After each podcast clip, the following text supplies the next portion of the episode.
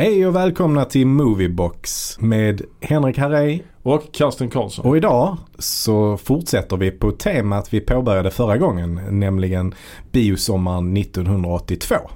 Just det, denna magiska, mytomspunna, legendariska biosommar. Då så många klassiska, kända filmer släpptes. Just det. Och nu har vi kommit fram till en mycket, mycket, mycket, mycket spännande film från 1982 av Tobe Hooper. Toby Hooper, ja. Poltergeist. Ja. En eh, skräckfilm. Ja, och den här har vi berört lite grann när vi pratade om eh, Motorsågsmassakern som också är regisserad av Toby Hooper. Precis, och den här filmen eh, Poltergeist kom ju då nästan, ja vad blir det, åtta år senare. Mm. Så han hade ju haft en karriär och blivit etablerad och Bland annat så gjorde han väl Eaten Alive Eaten Alive gjorde han ja, precis. mellan de här filmerna. Precis och, och eh, den här filmen Poltergeist då den är ju producerad av Steven Spielberg. Ja. Som naturligtvis var en av de hetaste namnen i Hollywood. Är det nästan fortfarande höll på säga. Och inte bara producerad av Steven Spielberg utan han har ju även eh, skrivit manuset tillsammans med eh, ytterligare en manusförfattare. Men han står också att han har cred för story. Precis och det är ganska ovanligt. Eh, Spielberg har inte skrivit så många manus i sin karriär. Han har väl skrivit, jag vet han har varit med och gjort Close Encounters tror jag. Och ett par grejer till. Men eh, så det är ganska ovanligt. Den här filmen Poltergeist, det är ju en sån film som, som vi eh, såg när vi var små. Mm. Eh, på VHS. Mm. Eh, kanske, den kanske gick på TV om man spelade in den. Och Mm. Det var en sån film som det snackades om på skolgårdarna. Mm. Att den var så läskig. Och jag tänkte därför, jag tänkte läsa lite om, eh, läsa lite om handlingen då. Läsa från baksidan på, eh, ja Blu-ray-fodralet blir det då. Vi såg den, som sagt vi såg den på VHS men nu, nu har vi den på Blu-ray så det är betydligt bättre, bättre bild. Men så här beskrivs storyn i alla fall på Blu-ray-omslaget. Det är här. Lekfulla till en början. Men det varar inte länge. En storm härjar. Ett träd går till attack. Och lilla Carol Ann Freeling sveps in i ett spöklikt tomrum där hennes familj råkar ut för en mängd faser. Producenterna Steven Spielberg och Frank Marshall samt regissören Toby Hooper leder skräckteamet i denna filmklassiker. Välkommen till Hemljuva, hemsökta hem. Mm. Oh, läskigt. Ja, raffel. Rafflande. Ja. Hade denna någon svensk titel? Nej, det hade det inte. Det var Nej. Poltergeist. Det var alltså ett, ja, det är ett begrepp som... Så det här hem, ljuva, hemsökta hem. Det var bara eh, någon copywriter som gick Ja. loss lite där. Ja, precis. Någon copywriter Mm. som, ja, Mm. som hade, tog sig friheter kanske. Mm. Ehm. Vi har också tidigare i, i vårt videovåldsavsnitt ska vi säga där vi pratade om Toby Hooper berört då det, det eventuella konflikter som uppstod Mm. under produktionen av den här filmen. För det är ju, elaka tungor har ju sagt att eh, det var Att ju, det är Steven Spielberg Ja. som har regisserat mycket av den. Ja, just det. Och att eh, Hooper mer var någon slags nickedocka till Spielberg. Mm. För det var ju så att Spielberg fick ju inte lov att regissera den. Det var ju det han ville egentligen. Men Precis. han hade ju redan åtagit sig att regissera E.T. Exakt. Och i det kontraktet han hade med filmbolaget så fick han inte lov att regissera någonting annat under tiden. Precis, så var det ju. Och den spelades in inte så långt ifrån platsen där Poltergeist spelades in tydligen. Så Mhm. han, han, han eh, Han åkte mellan sätten. ah, ja, kanske. Mm. Kanske det var så ibland. Men eh, ja, det var lite olika uttalanden. Vissa säger att Spielberg skötte snacket och Toby Hooper var mer pa- passiv. Mm. Andra har sagt tvärtom. Han, har ju, han har ju sagt det i en, i en intervju. Att Toby Hooper är ju ingen som tar för sig särskilt mycket Mm, och är mm. ganska blyg och tillbakadragen och sådär. Så att han fick steppa upp ibland och gå in och prata med skådespelarna och sånt. Och det har väl även vissa skådespelare också eh, stämt in i. Ja, Eh, men däremot så har han ju tagit tillbaka det och skrivit ett eh, brev till Toby Hooper där han ber om ursäkt för det här uttalandet och att det felciterades och så liksom. ja men precis. Filmen känns ju jävligt, jävligt Spielbergsk. Liksom, Det gör den. form och innehåll. Ja, verkligen. Verkligen. Alltså det känns ju...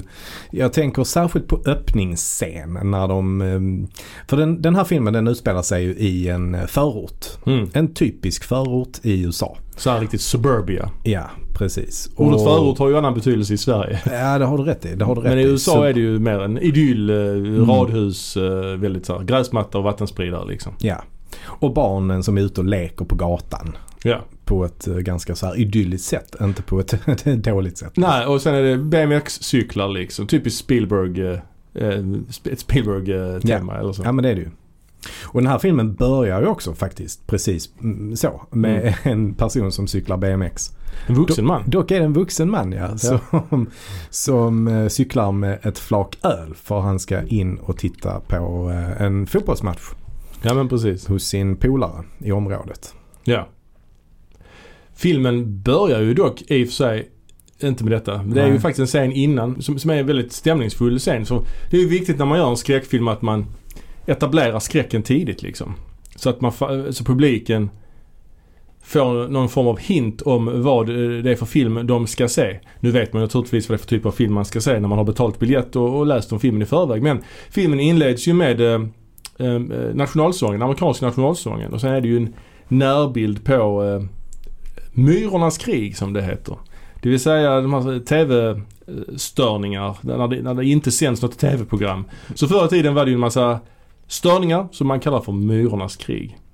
Och, och sen då så är det ju den här lilla flickan. Alla Mm. familjen ligger och sover i sängen och lilla flickan går upp och börjar prata lite med tvn. Mm. Mm. Som, som om tvn pratar. Man hör ju inte vad tvn säger men hon pratar ju med tvn och berättar vad hon heter och så vidare. Och den här lilla flickan heter Carol Ann. Precis. Spelad av Heather O'Rourke. Uh, och det handlar alltså om den här familjen Freelings. Vi pratade lite om dem? Vilka, Mm, vilka var, vi göra. var vi för medlemmar där? Vi har ju då eh, pappan som spelas av Craig T. Nelson. Just det. Och eh, det här är väl en av hans eh, första roller, stora roller liksom. En, I alla fall ett genombrott för honom är det. Ja och det är väl hans... eh, men- alltså han har inte gjort något varken efter, alltså större än detta, varken före eller efter i alla fall. Jo, han har gjort en grej. Men där tänker man inte på att det är han. Han gör nämligen rösten till Mr Incredible i The Incredibles. Mm, Den här Pixar-filmerna mm, som är superstora. Mm, Det är jävligt otippat att de väljer honom faktiskt. mm. Att Det de inte det. väljer någon mer känd, någon mer Ja. aktuell person. Men jag skulle ändå säga att denna, denna rollen han gör här är större än den i... Ja, ja. Men han har gjort något i alla fall. Jo, han har... Den, de filmerna är skit, Alltså han har förekommit i ganska mycket men det har ju bara varit biroller liksom. Så man, det är ju en Mm. person man verkligen känner igen. Ja, ja verkligen. Eh, men, men han har aldrig haft en huvudroll i samma, av samma dignitet som denna. Eh, varken före eller efter. Han är även med i Osterman Weekend som kom Aha. också tidigt 80-tal. Sam Peckinpah. Just det. Hans Sam sista- Peckinpahs sista Just film. det, ja. just det. Med Rutger Hauer också va? Ja, Ja, ja, och eh, Burt Lancaster va? Ah, ja, kan vara, kan vara. Sen har vi mamman då. Eh, som spelas av Joe Beth Williams. Just Mamma det. Diane då. Mm. Pappan heter Steve kan jag säga. Mm. Och eh, mamman, eh, Di- Joe Beth Williams, hon är väl mest känd kanske för Kramer vs Kramer. Hon spelar en liten roll i den. Jag skulle säga att hon är mest känd för Poltergeist. Ja, okej. Hon är mest känd för Poltergeist. Men hon i övrigt har hon ju har hon en biroll i, i Kramer vs Kramer som kom ja. något år tidigare. Eh, och sen har vi då uh, stora systern Dana som spelas av Dominic Dunn. Och sen har vi lillebror Robbie som spelas Ja. av Oliver Robbins. Ja. Och så har vi då slutligen den minsta. Ja, som, Eh, lillasystern Carol Ann som spelas av Heather O'Rourke. som vi sa precis. Och sen så kan man ju också nämna att eh, Zelda Rubinstein också eh, gör en roll Ja, ja, i filmen. Ehm, Vad har vi på henne då? Ja, vi har inte så himla mycket på henne egentligen. Men, men hon, hon blev ju väldigt känd efter den här filmen. Just mycket på grund av sitt speciella utseende. Ja, hon är Men- väldigt kort. kort väldigt, väldigt kort ja. Ganska barnslig röst Jag också. pratar med en oerhört pipig röst. En annan person som är med i filmen är i och för sig Beatrice Straight. Som var Oscarsbelönad för några år tidigare för filmen Network. Mm. Och eh, det har vi nämnt tidigare i den här podden att hennes insats i Network är ju den eh, Alltså rollprestation som haft minst screen time. Mm. Jag tror hon bara är med ett par minuter hela filmen. Och fick ändå en Oscar för bästa Mm. biroll. Så det är alltid något. Mm. Jag tänkte bara att vi kan ju bara säga det också att när vi pratar om skådisarna att, eh, att den här filmen gjorde ju faktiskt ett genombrott för alla de här skådisarna Ja, kan man säga. i, i rollistan. Förutom då Beatrice Straight möj, möjligtvis. Ja, just det. Eh, för att ingen, ingen av dem har ju varit varken förr eller efter varit med i någon, någon sammanhang som har större dignitet liksom. Nej, nej så är det. Verkligen. Eh, så att det, är- det är ju lite intressant. Och eh, jag tänkte faktiskt också på fotografen. Jaha. Matthew F. Leonetti. Det är Mhm. ju också hans genombrottsfilm. Vad har mer gjort då? Eh, alltså han är ju inte en jättekänd fotograf. Men han har fotograferat, han har varit alltså director of photography på väldigt kända filmer. Mhm. Ehm, Till exempel eh, en annan film som kom 1982. Ja. Fast eh, Times at Ridgemont High. Eh, Ja, ja. Ridgemont, ja, precis. Ridgemont High. Häftigt drag i plugget alltså. Häftigt drag i plugget. Mm, som vi pratade om i förra avsnittet. gjorde han också samma år. Ehm, på 80-talet så gjorde han Commando. Mm. Har vi också eh, nämnt i vårt ja. andra avsnitt. Har vi nämnt. Eh, Weird Science. Ja. Jumping Jack Flash. Ah. Som ju var något slags genombrott för Whoopi Goldberg Just också. det, just det. Eh, Red Heat, en annan Arnold-film. Another 48 Hours. Mm. Han hade ett samarbete med Walter Hill Mm. eh, i några filmer. Vi ju nämna att den här 48 timmar 1 kom också ut 1982. Dock inte på sommaren. Nej. Så därför vi inte har nämnt den. Mm. 48 timmar igen, alltså uppföljaren kom, det var ganska långt mellan dem. Jag tror den kom 1990 faktiskt. Det här Mm. fördömda året. Just det. Som vi har pratat om tidigare. Slutligen också Strange Days. Ah, Catherine Bigelows eh, Mm. sci-fi epos. Eller epos är det kanske inte men ja, sci-fi thriller. Ja, precis. Ja, ja, ja. Eh, så att han är ju, han blev ju en väldigt stabil director of photography. Ja, det får man verkligen säga. eh, Under 80 och 90-talet där han anlitades för väldigt många projekt. Men man kan väl inte riktigt säga att han har någon så här egen, alltså tydligt egen stil. Liksom. Nej, det är... Som många, alltså många fotografer har ju det. Men det kan man inte riktigt säga att man, att man har här. Nej, det kanske man inte, det kanske man inte kan. Eh, den här filmen är ju ganska, det är ju inget spec... ja, Det är ett par häftiga ljussättningar, det är det ju. Men Alltså det är ju en ganska effektdriven film. ja, det är det ju. skulle jag säga. Eh, jag, jag tycker faktiskt att det är många snygga ljussättningar. Men, men den, känns, den känns stabil, den känns Hollywood, den känns väldigt Steven Spielberg tycker jag. Oh ja, oh ja I, verkligen. eh, I hur den ser ut. Ja, verkligen. Eh, Men i alla fall den här scenen då. Man klipper ifrån det här mörka sovrummet, hon pratar med TVn. Till den här vuxne mannen på BMXen. Och det är Mm. idyll liksom. Ungarna busar med honom och han cyklar omkull och tappar ut ölburkar och det börjar spruta öl och så vidare. Så det är liksom to- tokroligt och så. Mm. Det sprutar öl. Men han tar sig ändå in till sin kompis eh, hus och, och det är då den här familjen Freelings hus han kommer in i väl och Mm. ska, Mm. de ska här fotbollsmatchen. Som etablerar liksom det här förorten, det är idyll. Mm. nybyggt område också ska man ju säga.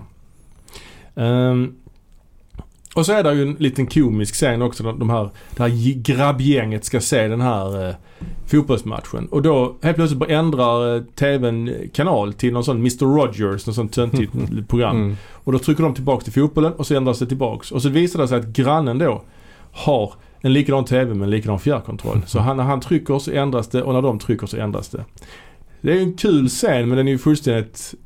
Te- Ja, Teknikfientlig scen. ja, det skulle aldrig gå till så på riktigt. Nej, och sen vet jag inte, alltså eh, funkar det ens? Nej, att man fjärrkontroller har- är ju inte så starka för det första. Nej, det är ju snarare tvärtom som är problemet. Ja. Och om det skulle vara så, varför...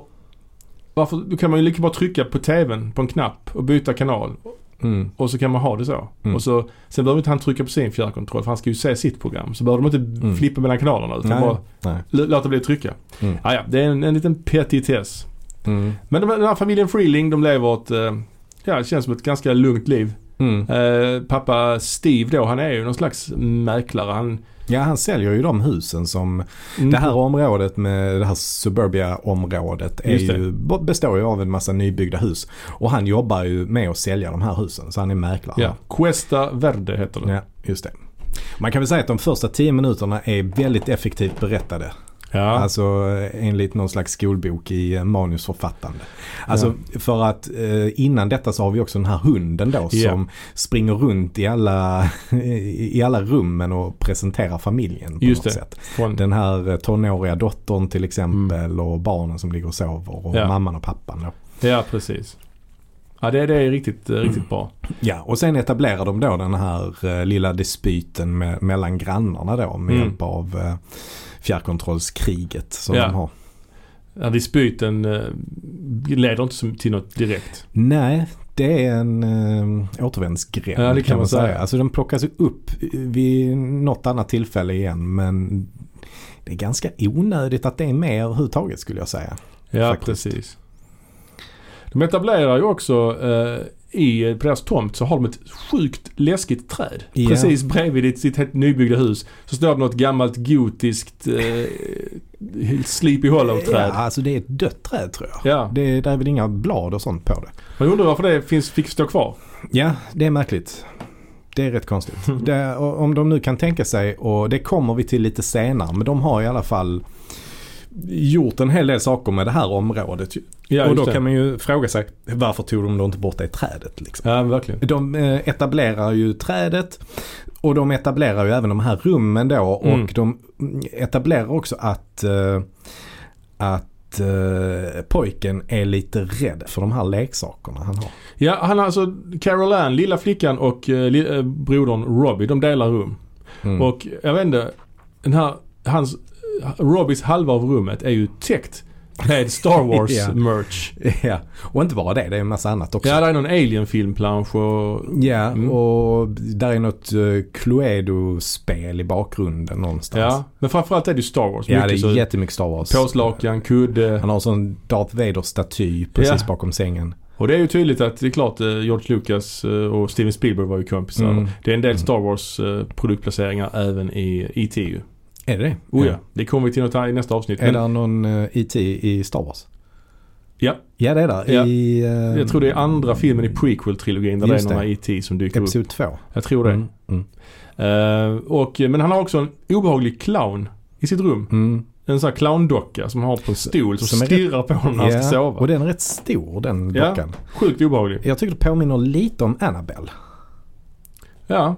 Ja, det, det, det är väl ungefär samma storlek så på dockorna. ja, lite så. Och att de är sjukt obehagliga och stirrar. Och han kan inte sova där på kvällen Mm. och, och för då att, för den stirrar ju på honom.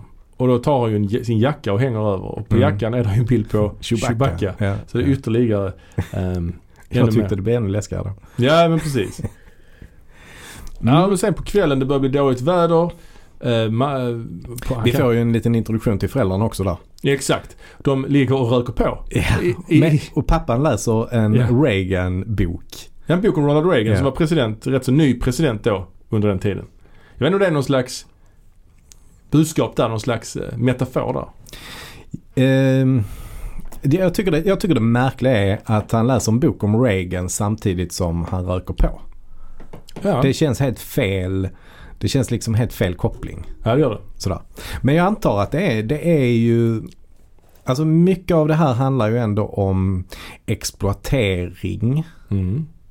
och kommers. Ja alltså, Alltså, kommersialism. det, är väldigt Och att han läser Reagan. Alltså, det är väldigt intressant ju att det är, som vi pratade om, att den här filmen är liksom en produkt på något sätt av två olika hjärnor. Mm. Hoopers och Spielbergs. Alltså, det är ju säkert, om man säger att om, det är två, om de här två personerna har haft saker att säga till om. Så är det Spielberg snarare än Hooper som har sagt till att de ska ha massa Star Wars merch. ja, ja, Men det är ju Hooper som har sagt till att de ska röka på och läsa en bok om Reagan. ja. Alltså, Och om man, kan, om man kan se ett antikommersiellt tema i den här filmen så måste ju det också vara Hooper.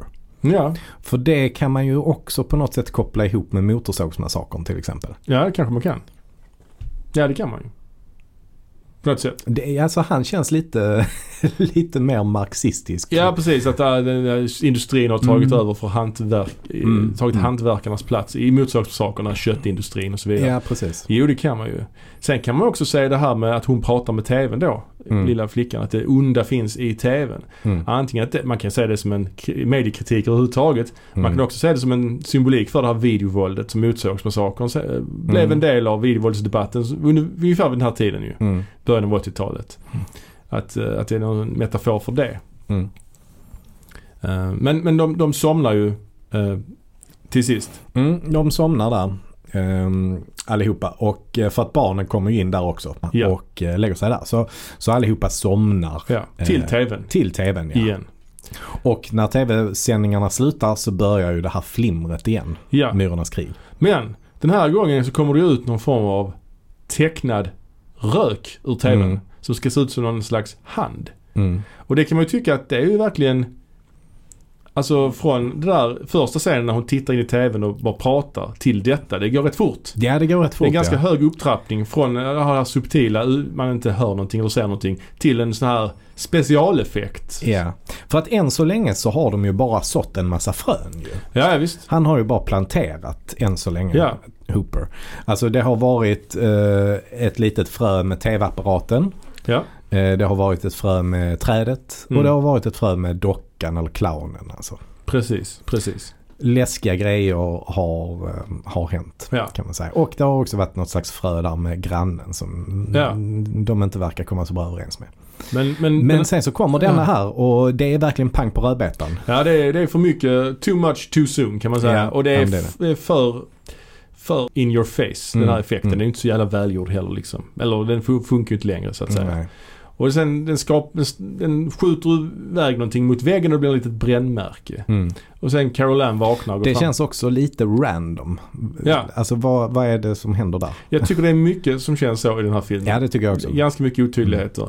Men hon, eh, de andra vaknar. Carol Ann sitter framför TVn då och tittar in i Myrornas krig och vänder sig om och säger They're here. exakt. Som är väl den mest kända repliken i den här filmen. They're Ja. here liksom.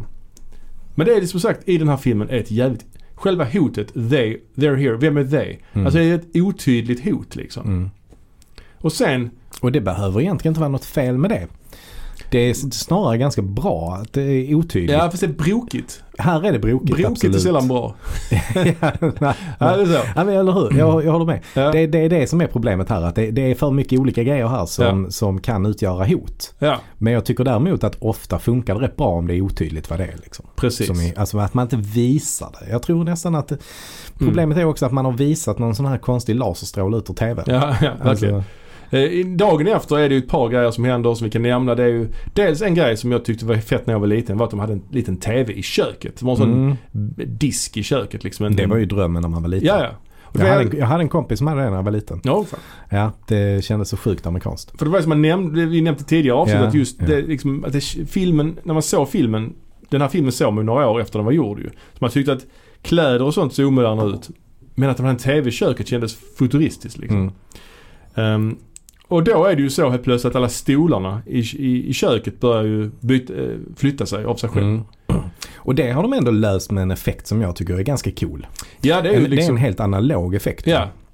Att, För det, det som det börjar med det är ju att mamman i någon scen tidigare har sagt ja men ni måste skjuta in stolarna in till bordet eh, när, ni, när ni lämnar bordet för Mm. annars så kan hunden hoppa upp och äta det som är på, på, står på bordet. ja. Så det har hon sagt. Och sen så, eh, så ser hon då att stolarna är utdragna en bit ifrån bordet. ja, Och så, ja, så sätter hon in alla stolarna igen. ja. Och eh, vi ser också flickan, den lilla flickan är där i Ja, köket Carol också. Ja. Och sen så hukar, går mamman tillbaka till i köket och hukar sig ner för att ta upp någon kastrull eller något sånt från någon... Ja, något skåp och, och då följer kameran med henne. Ja, Så vi ser inte längre bordet.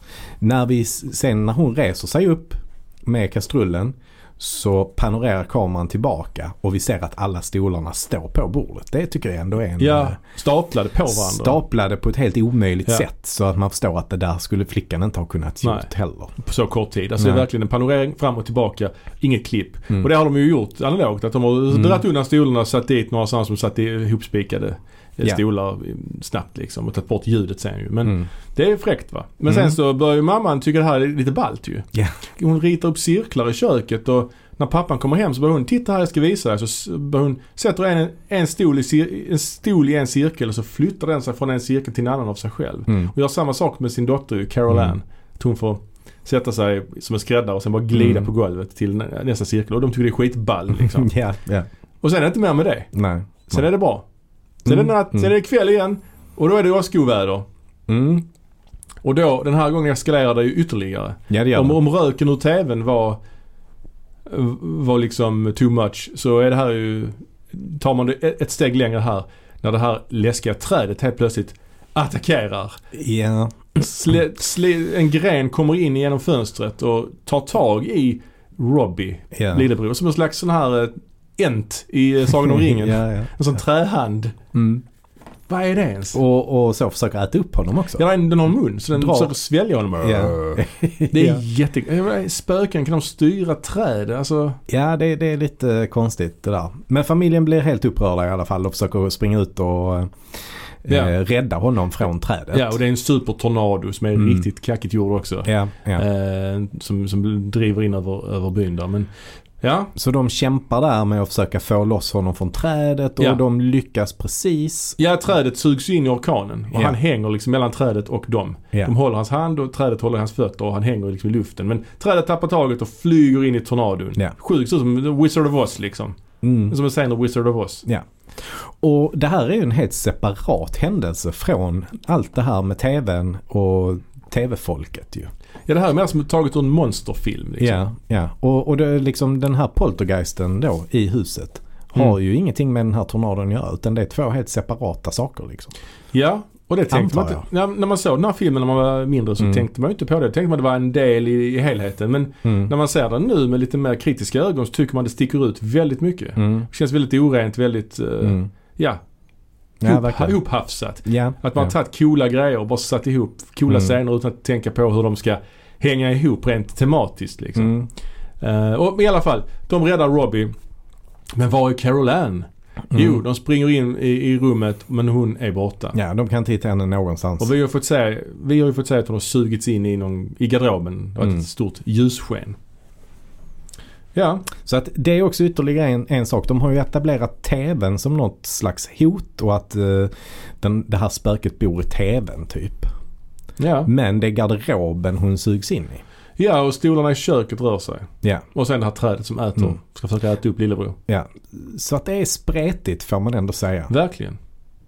Ehm, ja, och de kan inte hitta henne någonstans. Nej. Hon är försvunnen. Precis, och sen är det någon slags tidsklipp här ju. Mm. Till att pappan då sitter, Jag antar att det har gått ett par dagar. ja, Och, och det som händer nu är ju då att pappan besöker eh, ett universitet. mm. Ehm, och avdelningen då för parapsykologi antar jag. ja någon slags Ghostbusters-varianter. Ja, Ja. Detta är ju före Ghostbusters i och för sig. Men Mm. några forskare helt enkelt. Som bland annat Beatrice Straight då och två killar till. Ja.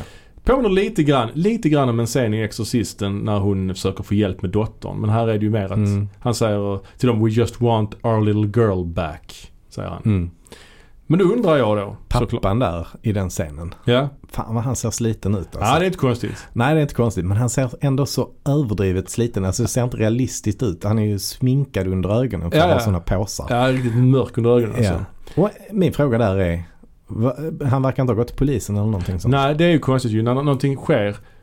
Eh, att man inte kontaktar en mer ansedd myndighet än Mm. ett univer- obskyrt universitet, någon fakultet liksom med några Mm. forskare. Mm. Men allt det övernaturliga i huset sker ju superöppet. Mm. Alltså de, i, normalt sett i skräckfilmer så är det ju bara någon som ser det övernaturliga och ingen annan tror på det. Mm. Här sker det ju helt öppet. Mm. Så man bara kunde ta dit polisen eller vem fan som helst. Det hade blivit värsta grejen. Ehm, och eh, ja, och dottern, dottern är ju borta liksom. Då Mm. går man väl till polisen, då är man väl superorolig. Om man nu inte skulle tro på det övernaturliga. Alltså, ja, det är jättekonstigt. Så filmen har ju definitivt tjänat på ett par scener här där de kontaktar polisen och tid går. Alltså Ja. sådär. Och att de tar det här som ett sista halmstrå. Att eh, vi kontaktar de här gynnarna på det här universitetet. Vi har ingen annan som kan hjälpa oss. Det är också aldrig någonting att, precis som du säger, det sker väldigt öppet det här med spökena och det. Ja, Och det, det är aldrig någon som ifrågasätter det. Alltså pappan när han får, får se det här med stolarna och att fl- Mm. eh, flickan förflyttas. Han bara köper det på en på, på direkten. ja det är något hårt klipp till eh, att de går till eh, sin granne igen.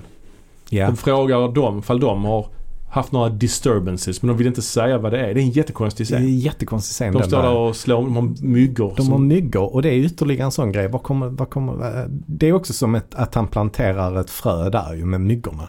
Men de det följs ju aldrig mer upp. Alltså de har my, får myggbett. De står och slår ihjäl myggor liksom. Medan de försöker prata med grannen och de vill inte säga riktigt vad de vill och grannen Mm. tycker de är konstiga. Den här fjärrkontrollsgrannen är väl det då. Ja, och de är helt fnittriga också. Som om de rökt på precis Ja. liksom. Ja. Så det, det är en jättesupermärklig scen. Ja, och, Som- och, och de pratar också om de här myggen. Och grannen säger att han inte har några mygg alls. De har inte fått några myggbett. Nej jag vet. Vilket ju också känns som att det ska komma någonting mer med myggorna då. Men, Mm. men det gör det inte. Precis. De här forskarna kommer i alla fall hem till dem och de Mm. forskarna de berättar ju, den ena berättar att han har filmat en leksaksbil en gång som rörde sig. Eh, tog, det var sju, på sju timmar så rörde sig leks, leksaksbilen av sig själv. Från en sida av ett rum till en annan. Ja. Det är ju inte jättespektakulärt i jämförelse med Med vad, det här då. vad de får se här. Precis, för de öppnar det här rummet där Carol Ann bodde. Mm. Och allting flyger omkring där. Det är supertokigt. Det är lampor som flyger omkring och någon skivspelare som spelas och flyger omkring. Det är rätt så spektakulära saker fast tyvärr med en begränsad eh, effektkapacitet. Mm. Så det ser ju rätt så kackigt ut. Och det gjorde det faktiskt redan då när jag såg filmen. Alltså det såg inte jättebra ut då. Vissa grejer kanske gjorde det. Nej, jag håller inte med. Jag tyckte det Nej. var, det var så bra det kunde vara då på den tiden faktiskt. Ja, ja, jo, okej, jo, det var det väl kanske. Jag, jag, jag har inga större problem med hur effekterna ser ut där faktiskt. Eh, Ah, okej. Jag tycker det är okej. Men de här forskarna som har, har en ganska begränsad erfarenhet verkar ändå ha rätt så bra koll på olika dimensioner och vad som kan hända i andra dimensioner. Alltså de pratar Mm. ändå som om de hade haft erfarenhet av det. Men i själva verket har de bara filmat en leksaksbil som har rört sig några meter. Mm. Så det är också liksom, är de, är de rätt personer för jobbet? Mm. De snackar ju också om att en poltergeist Skillnaden med poltergeist och spöke Mm. är att spöke kretsar kring en plats och en poltergeist kring en person. Mm. Och att då deras dotter Carol Ann ska vara den här personen. Det undrar jag också, stämmer detta? För det, det känns ju onekligen som att det har med platsen att göra. Ja, eller så har det med dem, eh, för vi kommer ju få reda på lite senare då att den här huset eller hela det här området det är byggt på en eh, gammal kyrkogård, en begravningsplats. Och jag tänker att det har med platsen att göra. Ja, så det borde det ha. Eller så tänker de så att det har med de människorna som är begravda där att göra. Ja, ja. Så att det är väl så man kan få det till en människa. Ja. Kanske. Men jag de, vet inte. Men, men de lämnar ju den definitionen efter den här korta scenen. mm. Så pratar de ju aldrig någonting mer om eh, poltergeists eller spöken. Nej, det är typ. bara för att filmen heter det så måste man väl nämna ordet i filmen känns Mm. det som. Mm. Men sen visar de ju för de här forskarna att de kan kontakta sin dotter genom att sätta igång TVn på en sån här kanal utan sändning. Mm. Och då kan de prata med henne. Mm. Så då hör man henne, hon pratar i, eh, genom TVn. Och då säger hon att någon är här hos mig. Vem, Mm. vem, vem är det? Ja. Otydligt. ja, det är Det otydligt. följs verk- inte upp ju, inte, inte tydligt i alla Nej. fall. Nej, nej, det är extremt, extremt. Och sen en av de här forskarkillarna, han kommer springande och har Ja. blivit biten. Just det. I, typ i sidan av överkroppen. Visar han för de andra, jag har blivit, jag har blivit biten av något. Ja. Så här tandmärken. Ja. Av vadå? Ja, Vad blev du biten av? Nej. Följs inte upp heller. Nej, nej, Så det är ju superotydligt. Ja, det är superotydligt. Han blev biten. Ja. Ja, det är jättekonstigt. Men, men när de kommunicerar med dottern så lyckas de i alla fall upptäcka då en passage mellan den här garderoben där dottern har blivit insugen i och taket i vardagsrummet. Just det. Eh, eller de vet inte att det kanske att det är en passage riktigt men, men för det faller ner saker, Ja. föremål alltså, från det här eh, hålet som öppnas i vardagsrummet. Ja, man kastar in en grej i... eh, Alltså det händer lite senare. Ja, det är lite senare. men- Förlåt. Ja, precis. Det ramlar ner gamla klockor och sånt. Ja. Klockor från eh, flera decennier tillbaks. Ja, precis. De är helt dammiga och Mm. jävliga. Ägodelar från någon annan. Ja, Från, ja. men Det vem? trillar ner där. Ja. Återigen en grej som inte förklaras. Ja. Men, men de fortsätter att göra sina tester. De, Mm. eh, de har ju satt upp en massa mätutrustning och kameror och sådana grejer Mm. för att mäta och se vad det är som händer i det här rummet. Så de Precis. sitter uppe där under hela natten och Ja. monitorerar eh, detta. Och då sker ju en av de mest kända scenerna i den här filmen. Ja, Den precis. som var mest omtalad när man gick på lågstadiet. Ja, Det är då att Precis. den ene killen som är forskare, han blir hungrig. Mm. Han ska ha ett litet night snack. just det. Så han går ut i köket och tar fram, som man gör när man ska bli hungrig mitt i natten, tar En fram kycklingklubba. en kycklingklubba och en stor köttbit som man ska steka Ja. mitt i natten. Det är superkonstigt. Så lägger han den på, på den här disken bara helt så, bang. Ja, bara rätt på disken. Och sen vänder han sig om och så börjar den krypa som en Mm. liten, som en mask. Mm. Och sen börjar den liksom spricka och det börjar komma upp skit ur massa... Ja, det är som att den nästan förruttnar fast det gör den inte. Ja, utan liksom- det bara kommer upp en massa, Mm. jag vet inte vad det är som, Och sen tittar han på kycklingbenet han har i munnen och där är maskar på det och så kastar han det. ja. Och sen Precis. springer han in på toa. ja. Och Och, då- då, då visar det sig att han har ett, fått ett sår på kinden. Ja. Och så börjar han pilla på det och så börjar han riva på det. Och till Ja. slut så börjar han riva loss bitar av sin hud från ansiktet. Och han river ännu mer och mer och mer. Liksom. Mm. Tills han bara, ja, han har ingen hud kvar på ansiktet. Ja. Och sen så sköljer han av sig lite och så bara vaknar han upp och upptäcker att det är någon slags dröm. Ja, han har fått någon slags hallucination egentligen. Ja, Ja. Och den här scenen var också sån grej, oh, man hör talas om den innan man såg den. Men den här scenen tyckte jag även då Mm. att det kändes jätte, rätt så corny alltså. Att det var Mm, någon slags mm. eh, tydlig docka ju. Det var supertydligt. Ja, ja. Men, men just att, han- att han börjar se saker. Han börjar se syne. Mm. Han börjar få hallucinationer. Ytterligare en grej man Mm. presenterar. Mm. För trädet som försökte äta upp sonen var väl ingen hallis? Nej, All- Inget annat har varit en hallucination hittills. nej, trädet försvann ju verkligen från tomten. Ja, så att, eh, Ja, visst. ja det var ingen hallucination ju. Ehm, ja, det, är, det är komplicerat det här alltså. Ja. Det funkar inte riktigt skulle jag säga. Men de har satt upp en massa kameror i deras hus. Mm. Och kamerorna har ju då lyckats filma någonting. Mm. För de får ju, och de spolar tillbaka och kollar på det och då är det liksom som vita spöken mer som Mm. med så här ljus sken ifrån hjärtat typ så själarna. Jag tycker det påminner ganska mycket om effekten i den första Indiana Jones-filmen. Ja, ja, ja. Mm. I slutet där. Ja just det, de öppnar arken där. Ja. ja, ja. Det påminner lite om det. Och där säger ju hon Beatrice Straight att de är så ensamma. Alltså spökena Mm. då. Som att Mm. det är oroliga själar och så.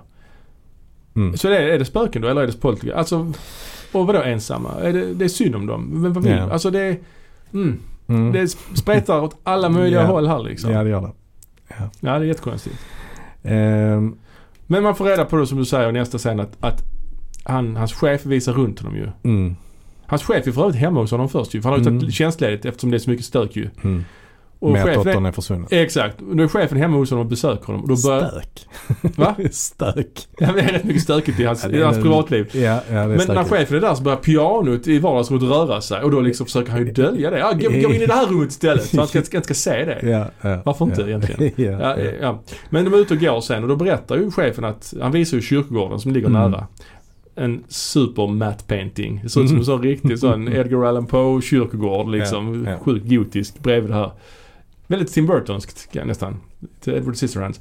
Han, han är ute och visar den här, han visar den här kyrkogården och berättar då att de ska flytta den kyrkogården. Mm. Och då säger eh, pappa Steve att det kan man inte göra. Jo, det har vi gjort förr. Ert område är också, Mm. eh, ligger också där en kyrkogård låg en gång i tiden. Och den flyttar vi. Så det kan vi göra igen. ja, just det. Mm. Ja, det är Mm. intressant. Det kommer tillbaka senare i filmen. Ja. Eh, I alla fall under tiden då så har eh, det här parapsy- parapsykologigänget de Mm. har åkt tillbaka till universitetet för att då undersöka de här eh, föremålen. Ja. Och de kommer tillbaka igen i alla fall. Ja, inte Eh, han med, inte Marty. inte han med köttet. och- Mar- Marty kommer inte tillbaka. blev för för han blev för eh, Ja. uppskakad av den här händelsen. Men de andra två kommer. Ja, och de har även med sig en, en tredje eller fjärde person då och det är då Tangina Barons som gör en tre. Ja, spelad av Zelda Rubinstein. Ja. Och med repliken “You're jamming my frequencies” så gör hon storstilad en tre i den här filmen. Ja, för hon etablerar med att hon är någon slags eh, telepat eller någonting. Ja, synsk är hon. Synsk ja. Ja. Så hon hon- kan liksom prata med, utan att, utan att prata kan hon. Kommunicera. Rubinstein var ju då en väldigt kortväxt person. Hon var alltså eh, inte mycket längre än eh, 1,30 lång var hon. Va? Tydligen. 1,30? 1,30 lång och eh, hon pratar, hennes röst är väldigt, låter som ett barn när hon pratar. Mm. Eh, Men hon ser ut som en gammal tant. Men det sjuka är ju att hon var inte ens 50 år när den här filmen gjordes. Mhm. Så hon är alltså under 50. Mm. Men de har nog späkat ut henne lite. Ja har de säkert No gjort. pun intended. För att eh, hon har sådana tjocka glasögon och sånt där. Det kanske hon hade på riktigt i och för sig. Ja de har ju spökat ut henne liksom. Mm. Men hennes funktion som karaktär är ju egentligen bara att rabbla en massa exposition. Mm. Hon berättar ju om Mm. den här andra sidan, hur, vad som gäller, vilka regler, hur de ska göra. Och det det är så dark presence snackar hon om och the beast Mm. pratar hon Mm. om. Massa grejer, begrepp som inte har etablerats tidigare, som inte riktigt får någon förklaring heller tyvärr. Nej. Och vi, är, vi har ändå kommit en rätt bra bit in i filmen. Det har i alla fall gått en timme. Mm. Kanske lite mer. Eh, och eh, så att det dröjer ganska lång tid innan hon kommer in i filmen. Ja. Ändå så har hon i alla fall när jag, när jag tänker tillbaka på filmen vad jag kommer ihåg från den så var det hon och det var den lilla flickan. Liksom. Det är det jag minns ja. bäst från den här filmen. Och det är ju de två karaktärerna som återkommer i alla tre filmer. Det kommer Mm. två uppföljare som vi kan prata lite om sen. Mm. Ja. Ja, you're jamming my frequencies alltså, säger Mm. hon.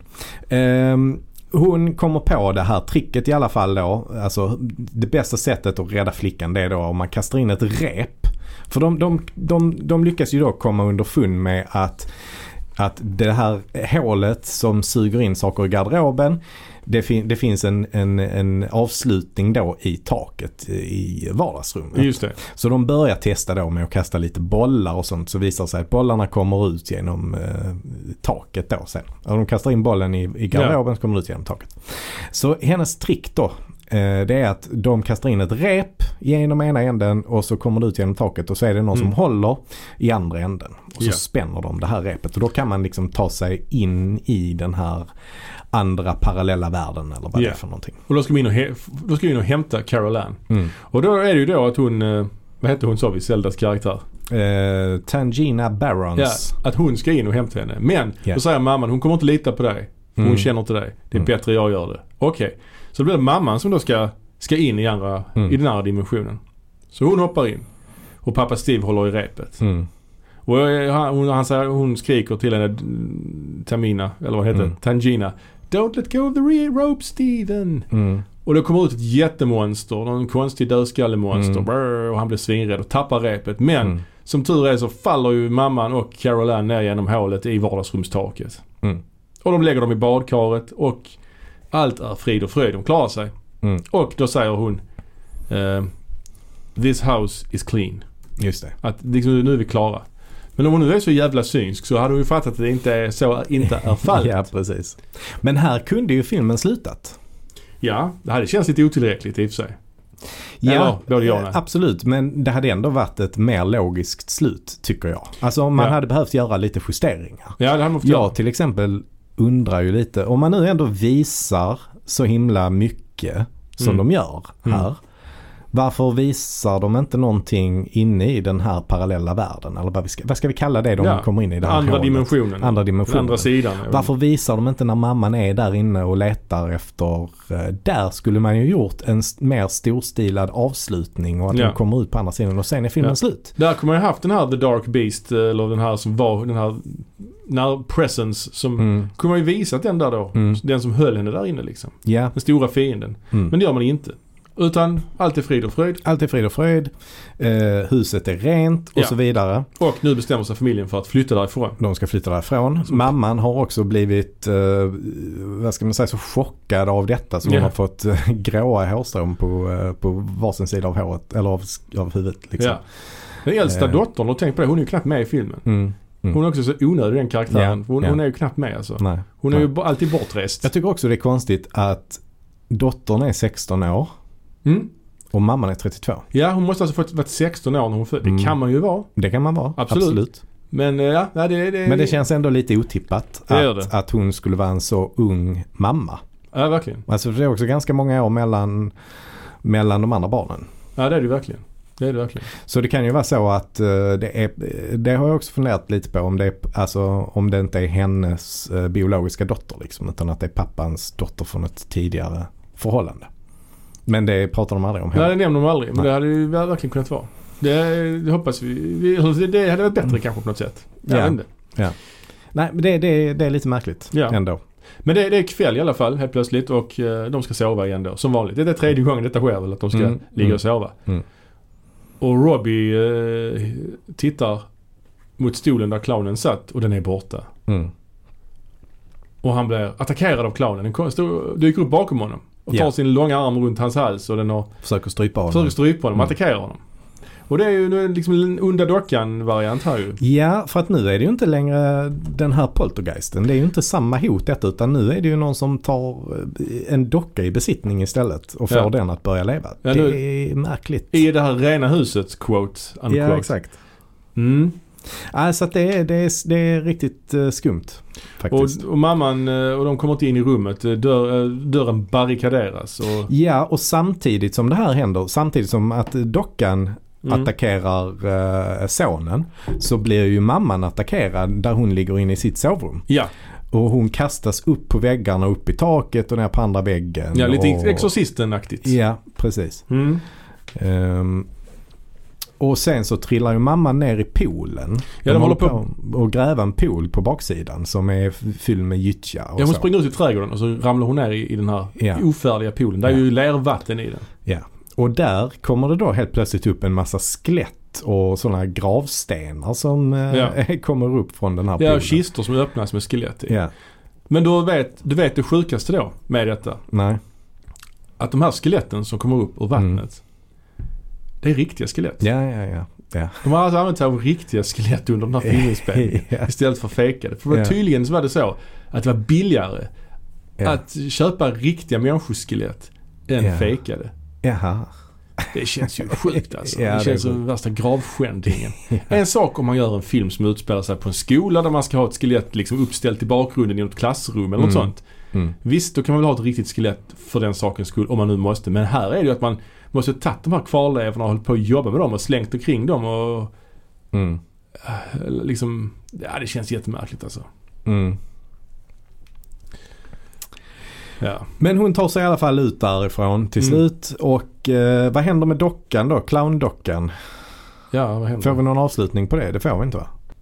Alltså de kommer väl, de, ja, hon räddar dem från, eh, tar ut, för ut dem ur rummet liksom. Och de Mm. springer ut ur huset och huset kollapsar. Huset imploderar. Imploderar, det sugs liksom in som in i en annan dimension. Ja. Och sen börjar hela gatan bli kaos ju. Det börjar spruta vatten och eld och sådana här vattenposter och Ja. sånt. Det är... eh, Och alla bara skriker ah! Dottern och äldsta dottern kommer hem och blir lämna, avlämnad av en kompis precis då Mm. och bara kommer ut och bara skriker What's happening? Helt Mm. och pappans chef kommer och pappan blir förbannad på dem och skriker liksom att Du flyttar inte kyrkogården, du flyttar bara gravstenarna. You Ja. only move the headstones, Ja. you fool. Ja. Och sen så springer de allihopa in i, i en bil, hunden också tar dem och så kör de iväg. Ja. Och så slutar det med att de tar in på ett motell. ja. Och eh, efter att de ja, tagit in på det här motellet då Ja. så bär ju pappan ut tvn från hotellrummet Ja. som den allra sista scenen. Han borde även ta ut alla clowner och träd och allt möjligt. ja, precis. Ja. Ja, det finns ett par saker man, alltså det är vad som händer i den här filmen. Vi gick Mm. igenom handlingen ganska snabbt. Det är en ganska snabb film. Det händer ganska snabbt allting. Ja, det gör det. Det händer mycket i den här filmen och man tycker ju att de borde ju renodlat det lite mer. Och detta är ju en skräckfilm. Mm. Men det intressanta för att vara en skräckfilm, det är ju att ingen människa i den här filmen dör. Mm. Det enda som dör i den här filmen, det är ju hennes fågel. Det är en, Mm. hennes husdjur. Hon Ja, begraver det. hennes lilla kanariefågel i början. Ja. Alla klarar sig. Mm. Så det är ganska anmärkningsvärt Mm. ändå. Det är ju ganska familjevänligt Ja, det kan man man kanske säga. För att vara en skräckfilm så är det ju en familjevänlig Det skräckfilm. är ganska smörig, smäktande musik. Så Ja. Det är ju Jerry Goldsmith som har gjort musiken. Han som Ja. även gjorde Omen-musiken till exempel. Nej, just det. Alien också kanske? Eh, ja, Mm. alltså han i alla fall Alltså man känner ju inte alls igen att det är samma person som har gjort Omen musiken. Nej, nej, nej. För den här musiken är ju mycket mer disneyfierad på något sätt. Ja, li- lite John Williams i kanske. Ja, Ja. ja. Disneyfierad kanske. Mm. Mm. Ehm, ja, så att det är, nej jag tycker inte riktigt att, alltså å ena sidan så förhöjer kanske musiken lite grann den här suburbia-känslan. Ja.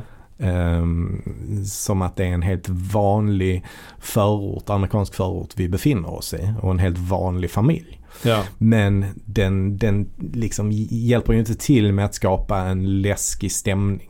Tycker Nej. jag inte. Nej. Och sen är det också vilken stämning är man ute efter. Alltså Mm. man har träd som är levande, man har en clown Mm. som är levande, man har de här stolarna som rör sig, man har vita spökmänniskor, man har Mm. en krypande köttbit. Alltså det är så mycket olika grejer. Mm. Det är liksom inte, vad, vad är hotet? Det är Ja. så abstrakt så man inte, vet inte vad, Nej. anything goes lite grann. Mm.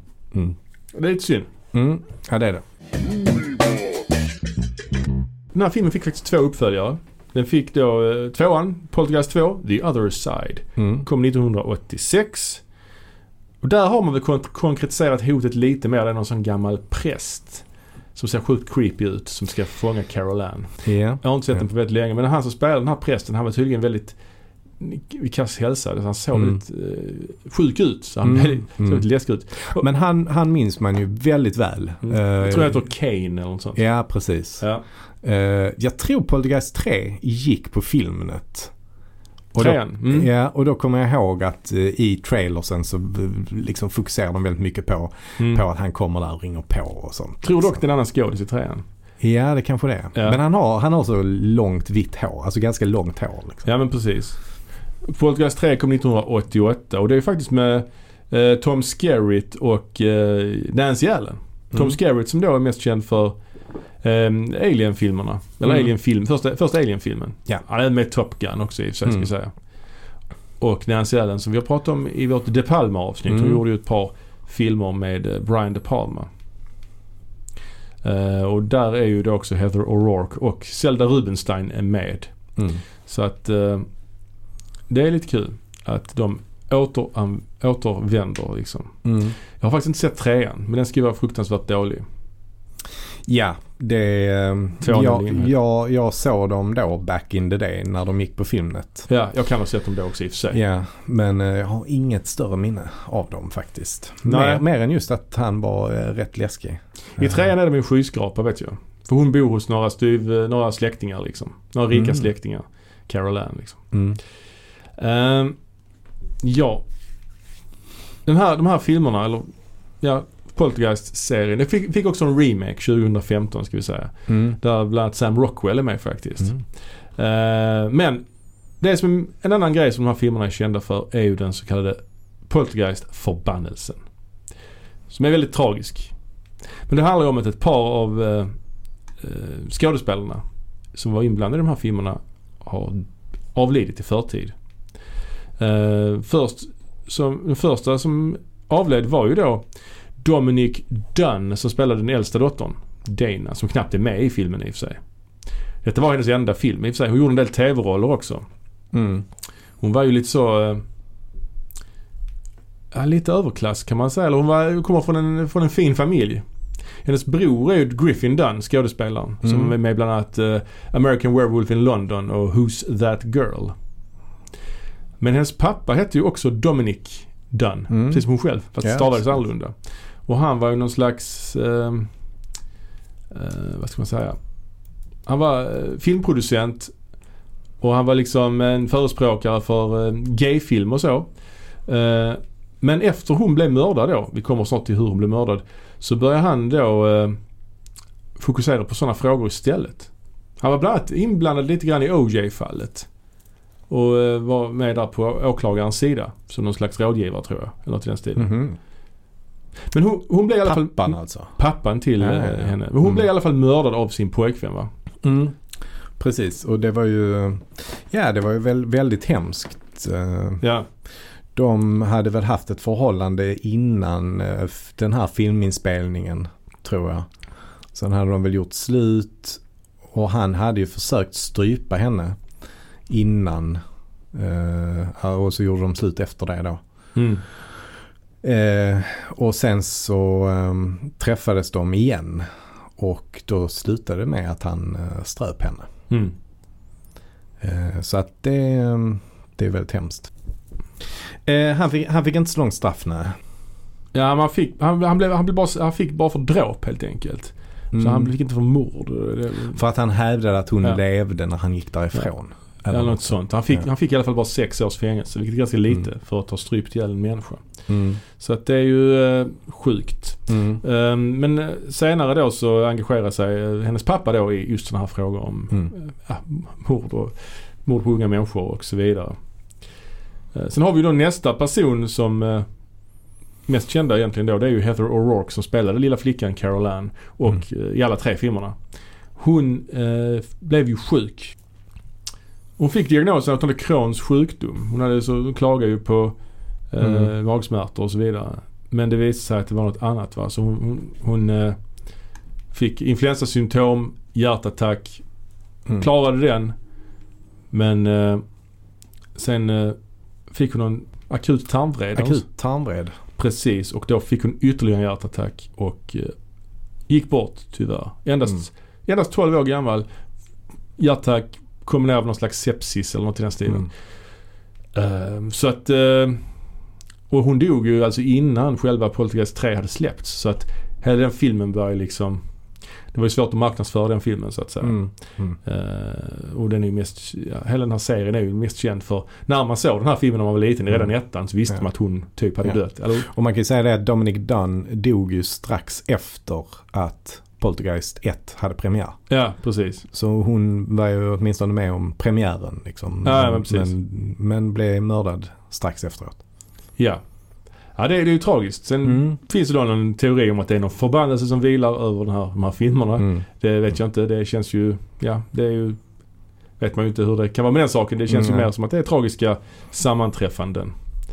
Ehm, men just, eh, just eh, det att när man ser filmerna man vet att de här två unga människorna har eh, berövats livet i förtid. Det ger någon, liksom, ja, det känns inte bra helt Mm. enkelt. Det ger en dålig, va, dålig smak i munnen när man ser Ja, filmerna så att säga. Ja. ja, men så är det. Men den här första filmen, jag såg om den nu såklart. Jag har inte Mm. sett den på rätt länge. Och eh, jag tyckte faktiskt det var svagare den här gången. Än vad, alltså just att man, Mm. man såg bristerna tydligare nu. Hur allting känns ihopplockat från olika ställen. Mm. ingen röd tråd, ingen alltså i berättandet. Jag vet inte. Det, Nej. Nej, jag tror filmen eh, förlorar lite på att eh, det är två Alltså vi har en regissör som inte är så himla stark egentligen Ja, i. Toby Hooper. Mm, Och sen har vi då en producent som är väldigt stark och tar över. ja. Så det blir någon slags mix. Men eh, det blir ju inte, det blir ju inte så bra liksom. Utan, utan Mm. Producenten är ju inte så skräckig heller, Spielberg. nej, nej precis. Så att Spielberg lägger in sina grejer i det. Ja.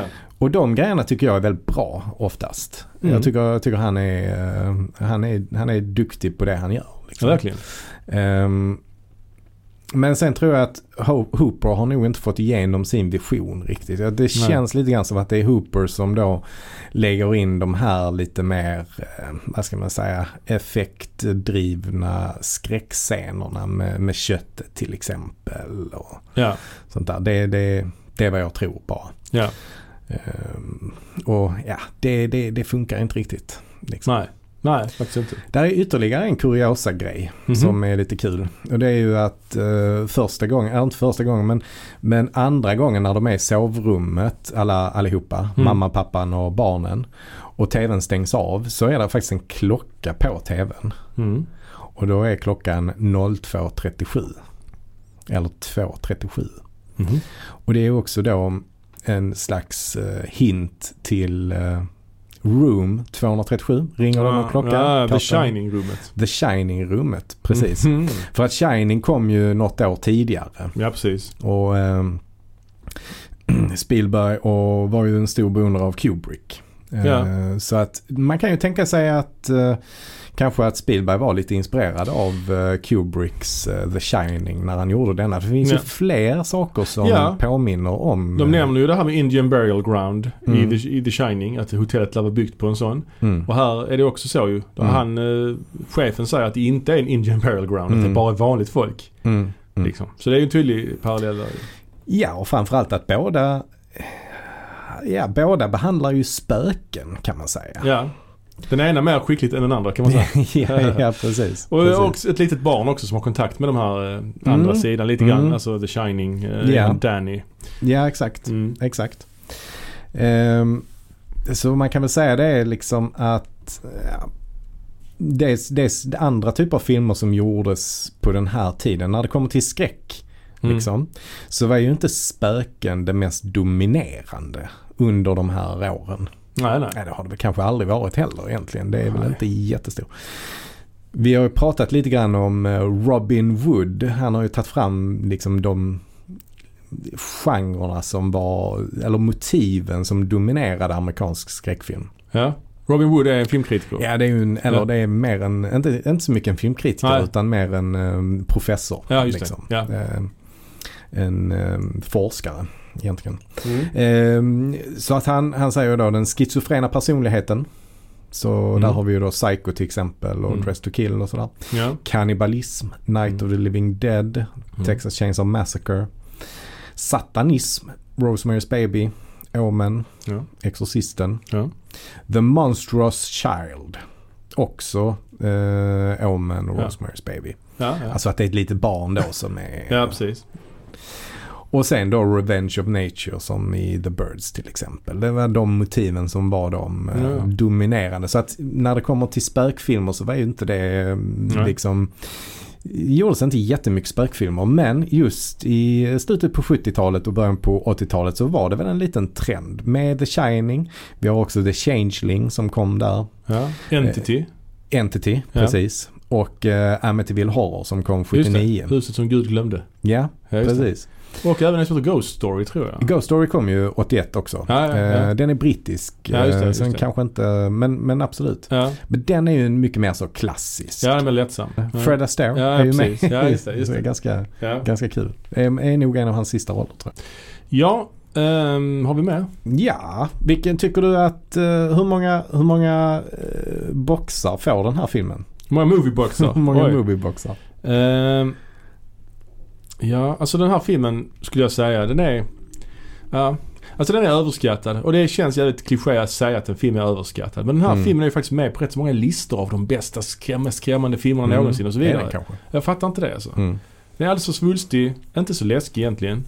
Det bygger, vissa, det bygger upp en god så 80-talsstämning men Mm. i början men sen tappar det liksom och blir för mycket. Mm. Jag vet inte hur många boxar man kan ge den här filmen. Alltså det är ju nostalgin ger den väl en svag trea kanske. Mm. På grund av nostalgin. Hade jag sett den första gången idag så hade det nog blivit betydligt lägre eh, betyg. det alltså. kan jag hålla med om. Men, men eh, jag ger den tre boxar. Jag tycker den bästa scenen i filmen är ju Ja. precis öppningsscenen. När de, hon vaknar och TVn eh, är, är igång och hon börjar prata. Och han kommer cyklande BMX där. Ja, Med innan ölen. det. Innan BMXen med ölen. Men just när hon pratar lite med TVn. Det är liksom mer ja. subtilt stämningsfullt. Ja. Där sätter man en stämning som sen urartar ganska Mm. snabbt och blir alldeles för, Mm. för mycket. Jag gillar köksscenen lite grann. Faktiskt. alltså vilken av scenerna är det Ehm, Alltså när, när de flyttar på stolarna. Ja, ja, ja. Jag tycker den är, för fram till dess så kan det här ändå utvecklas till att bli en rätt bra film tycker jag. Ja, och den scenen är också rätt så bra effekter faktiskt. Ja, ja. Mm. Ehm, så att jag, jag tycker den scenen är rätt bra. Mm. Ehm, och sen har den ju vä- några väldigt visuellt snygga bilder när, när hon sitter och pratar med tvn och har handen på tvn och sånt. Ja, det är snyggt. Det är snyggt ju. Ja, omslaget är skitsnyggt. Ja, Verkligen. men, men omslaget är nog tyvärr kanske det bästa med filmen. Ja, tyvärr, tyvärr. Ja. Nej, men eh, Spielberg han eh, satte sin prägel på den här filmen. Och i nästa avsnitt ska vi prata om en annan film som han definitivt satt sin prägel på. En Mm. av hans mest kända filmer. Också släppt sommaren 1982. Men tills dess så säger vi tack för oss. Tack för oss. Ha det gott! hej. hej. Hej.